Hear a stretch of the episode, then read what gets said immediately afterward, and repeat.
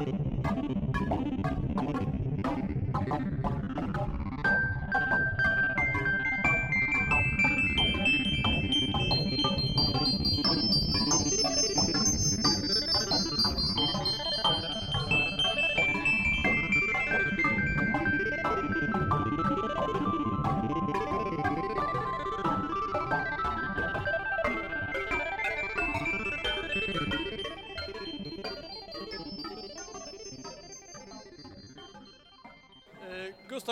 Sveriges Unga Akademi. Jag står här med ett antal forskare, ett antal ledamöter från akademin.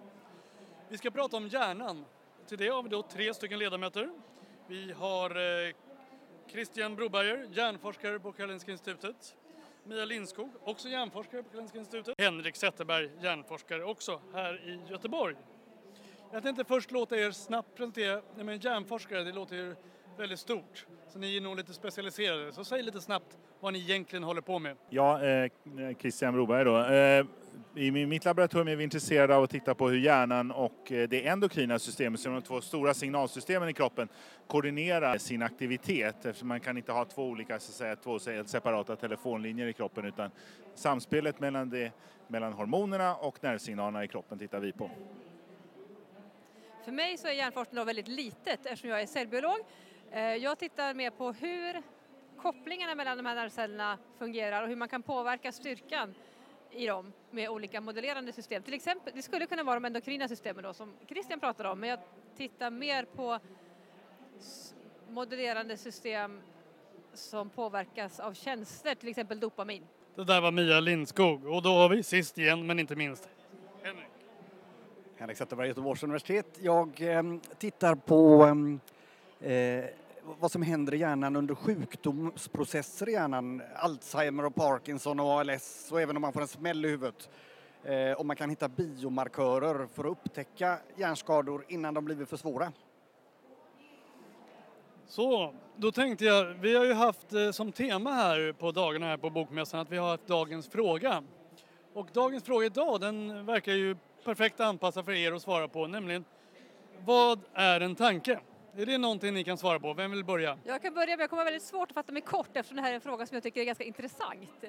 Eh, för att om man, det vi som, det jag som cellbiolog tycker är spännande är det, vad är det så, i hjärnan som, som ger oss tanken? Vad är det biologiska korrelatet till en tanke?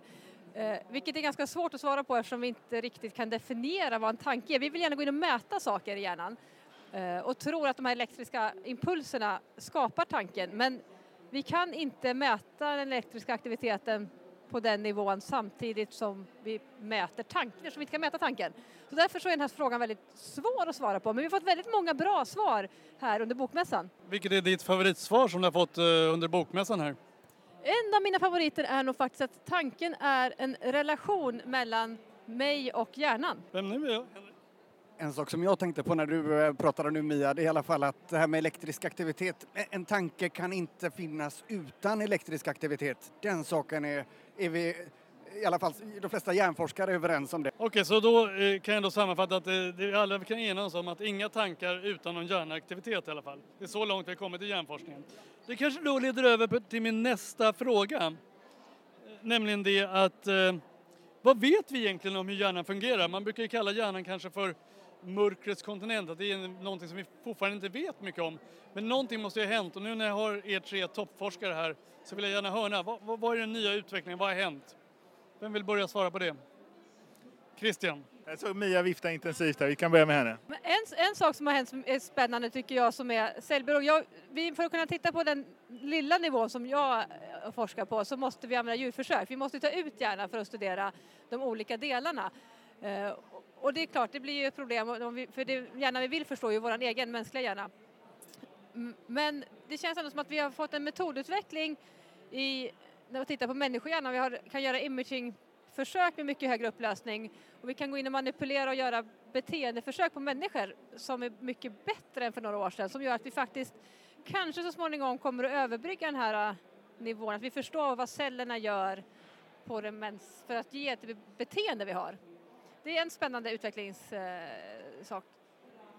Och lite vad det kommer sig av är att vi kanske håller på att få en perspektivförskjutning att länge så var eh, neurovetenskap väldigt inriktad på att förstå den enskilda nervcellen.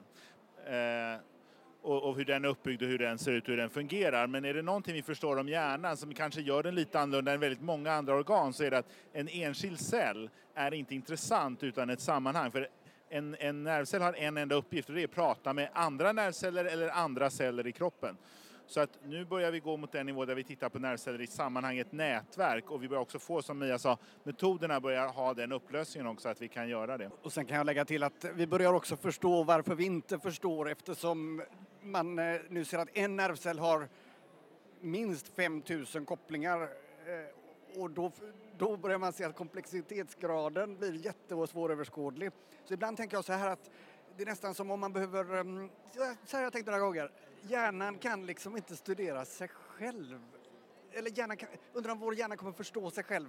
Ehm, och det kommer kanske bli en väldigt märklig upplevelse om man gör det. Och därför tror jag man måste koppla ihop många hjärnor eh, och datorer. Jag kan lägga till också att det vi vet om hjärnan, det vet vi ganska mycket baserat på att vi har studerat perifera system. Alltså vi har studerat hur hjärnan tar emot intryck från omvärlden för då kan vi veta att, vi kan veta att när vi ger det här synintrycket så reagerar syncellerna som tar emot det på ett visst sätt. Eller när vi rör armen så vet vi att nervcellerna som går ut i musklerna, ju mer, de, ju mer aktivitet vi har i de cellerna desto mer drar musklerna ihop sig.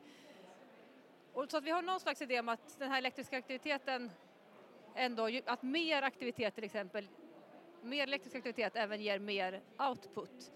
Men när vi kommer till tankar eller medvetande då eh, så är det så svårt att mäta för att vi vet inte, vi har inget output och vi har inget input eh, att gå på utan vi har bara en aktivitet som vill korrelera på något sätt med vad vi tror att vi upplever. Och det som, som Henrik sa också att kommer vi någonsin med vår egen hjärna förstå oss själva? Alltså, tankar och medvetande är väldigt subjektiva upplevelser och som biolog så gör man ju objektiva studier och är de här överhuvudtaget förenade? Men det kanske Gustav, du som är moderator här och, eh, och filosof, du kanske kan ge oss någon tanke om det? Det låter ju mer som en filosofisk fråga men det här skulle inte vara ett filosofiprogram utan nu ska vi prata om lite hårda fakta. Men man brukar ju skilja på upplevelsen av någonting och sen vad som orsakar den upplevelsen. Så jag kommer ju aldrig kanske kunna studera din upplevelse av chokladsmak genom att skära upp din hjärna, brukar man säga.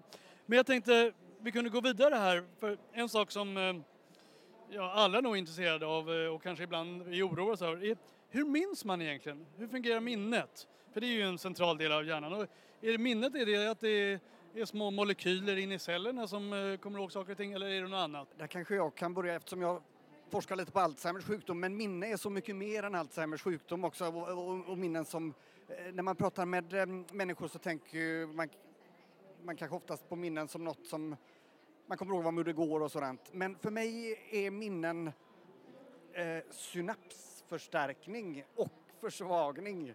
Och den förstärkningen är, är eh, om, om en, vad är en synaps? Ja, det är en nervcellskoppling. Det kan man säga. Och nervcellskopplingar de, eh, är, de är ju strukturella. Det är verkligen en, eh, en, en, kopplingsstation mellan två nervceller och de är uppbyggda av proteiner som håller membraner nära varandra och ser till att nervcellerna kan prata bra. Om, en nervcell, om man lär sig någonting så kommer eh, några nervcellskopplingar att förstärkas och det gör de genom att proteiner bygger dem närmare varandra eh, och gör dem starkare och sen kommer också några att försvagas. Eh, och det är för mig ett minne. Det där eh, perspektivet är ett som har vunnit väldigt mycket verk, mark inom neurovetenskapen och det har också eh, så att säga, tagits över av väldigt många andra sätt att studera hjärnan. För när vi pratar om synapsförstärkning och minne då tänker vi ofta minne som att man ja, lär sig ett telefonnummer eller någonting. Men överhuvudtaget så är det ju att celler förstärker, två nervceller eh, som där så att säga kommunikationen mellan dem har varit viktig i någon situation. Det har haft ett överlevnadsvärde och den kommer då att förstärkas.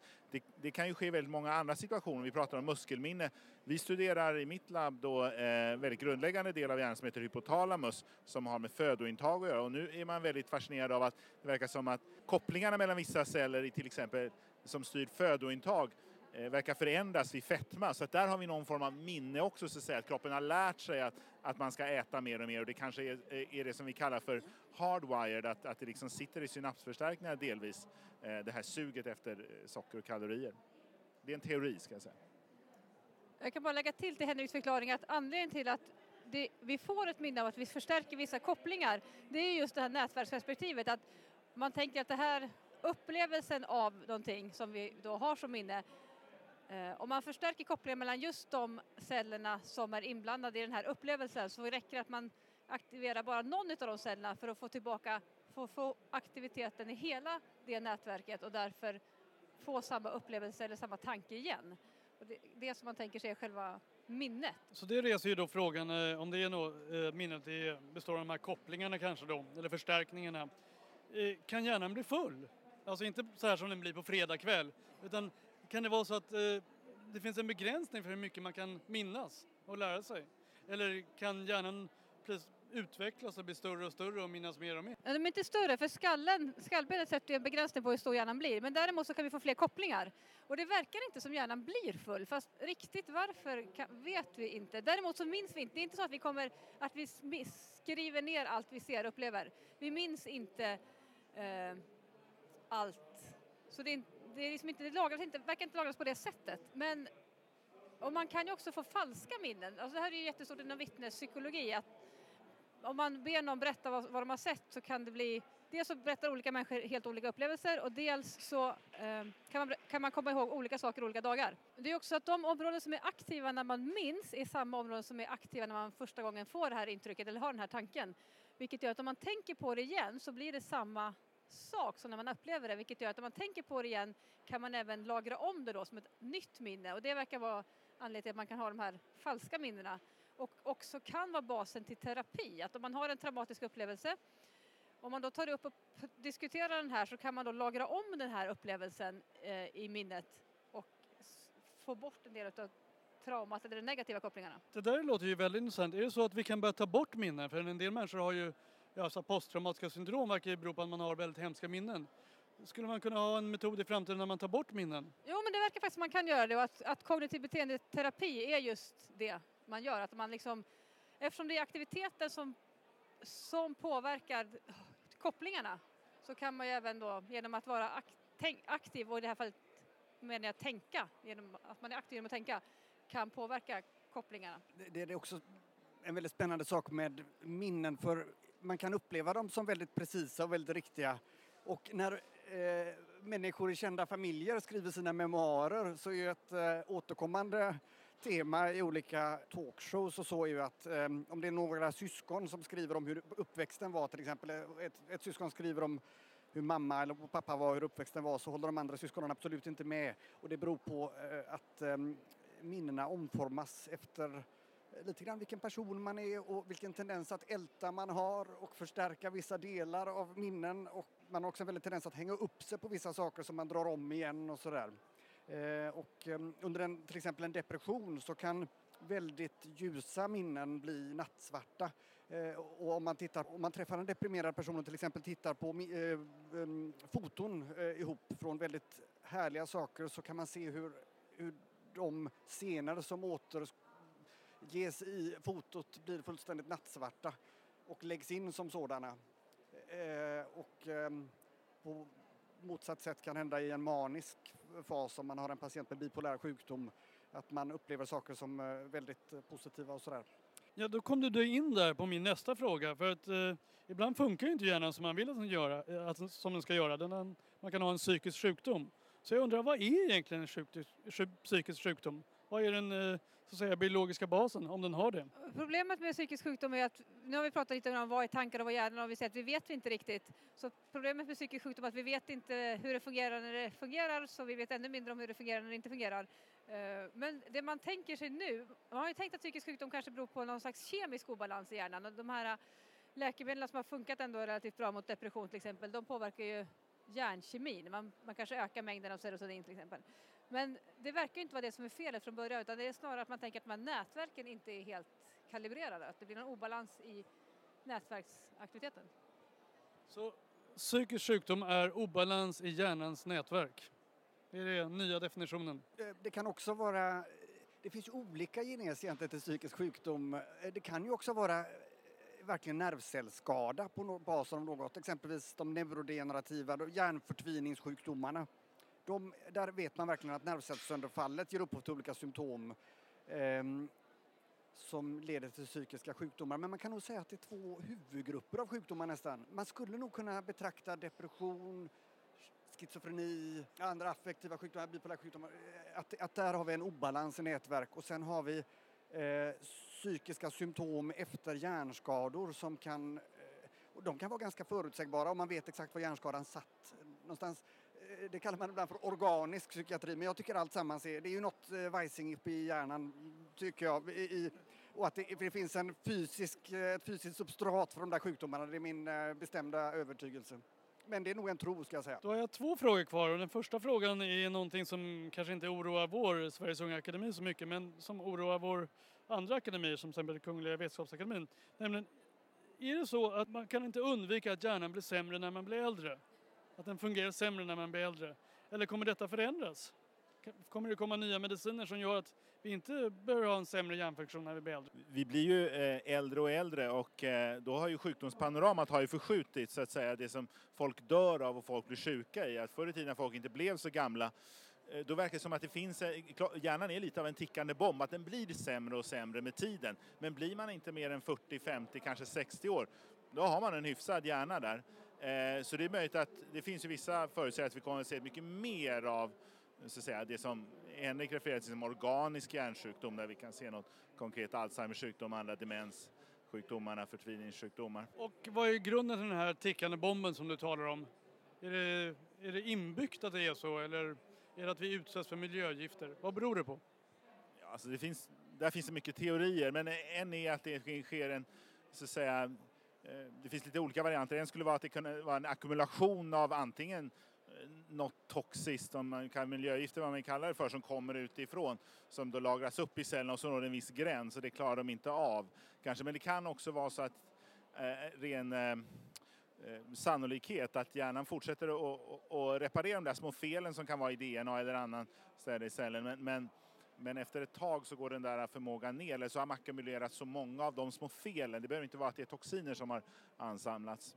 Det är några av de teorier som dyker upp i alla fall. Jag kan lägga till där också lite grann. Det finns ju biologiskt åldrande som är väldigt eh, förprogrammerat kan man nästan säga. Så den mänskliga arten människa eh, har en, något som man kallar för maximum lifespan eh, som är ganska definierat om man tittar zoologiskt på, på, på arter.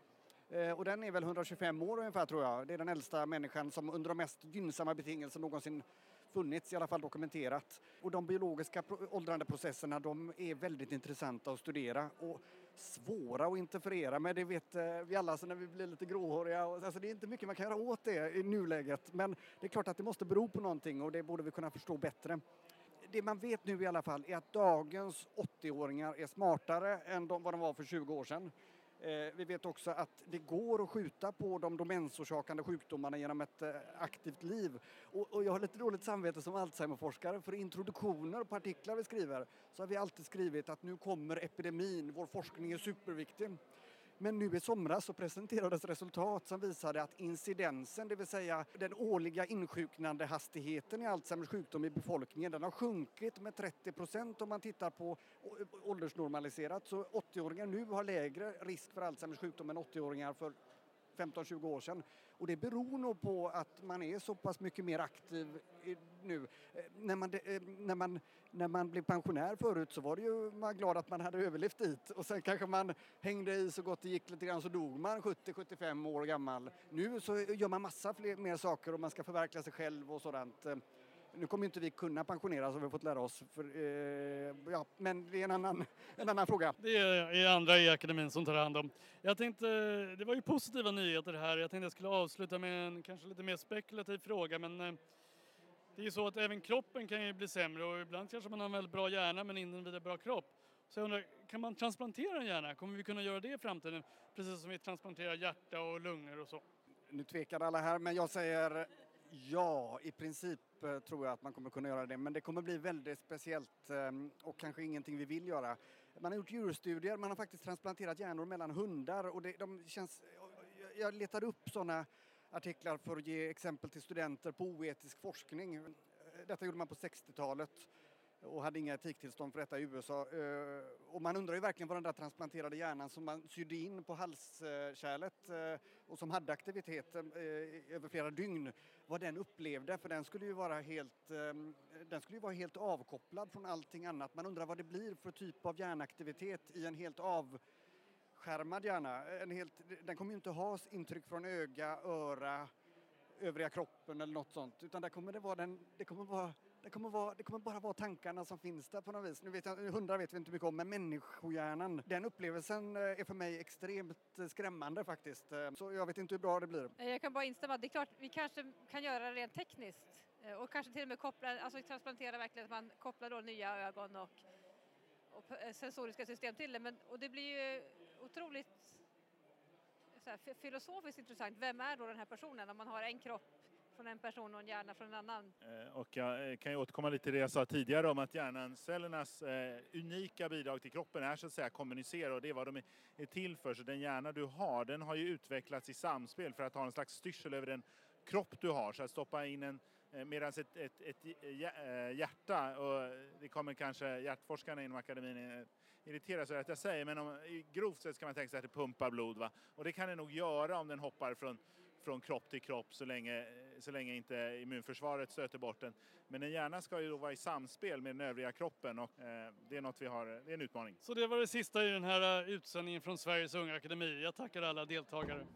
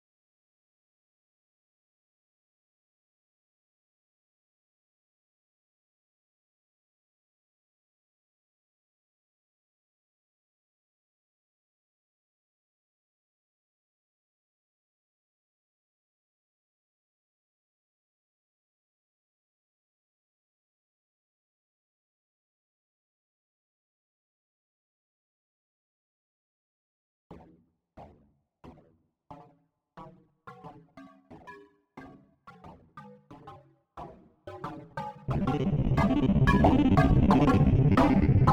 you.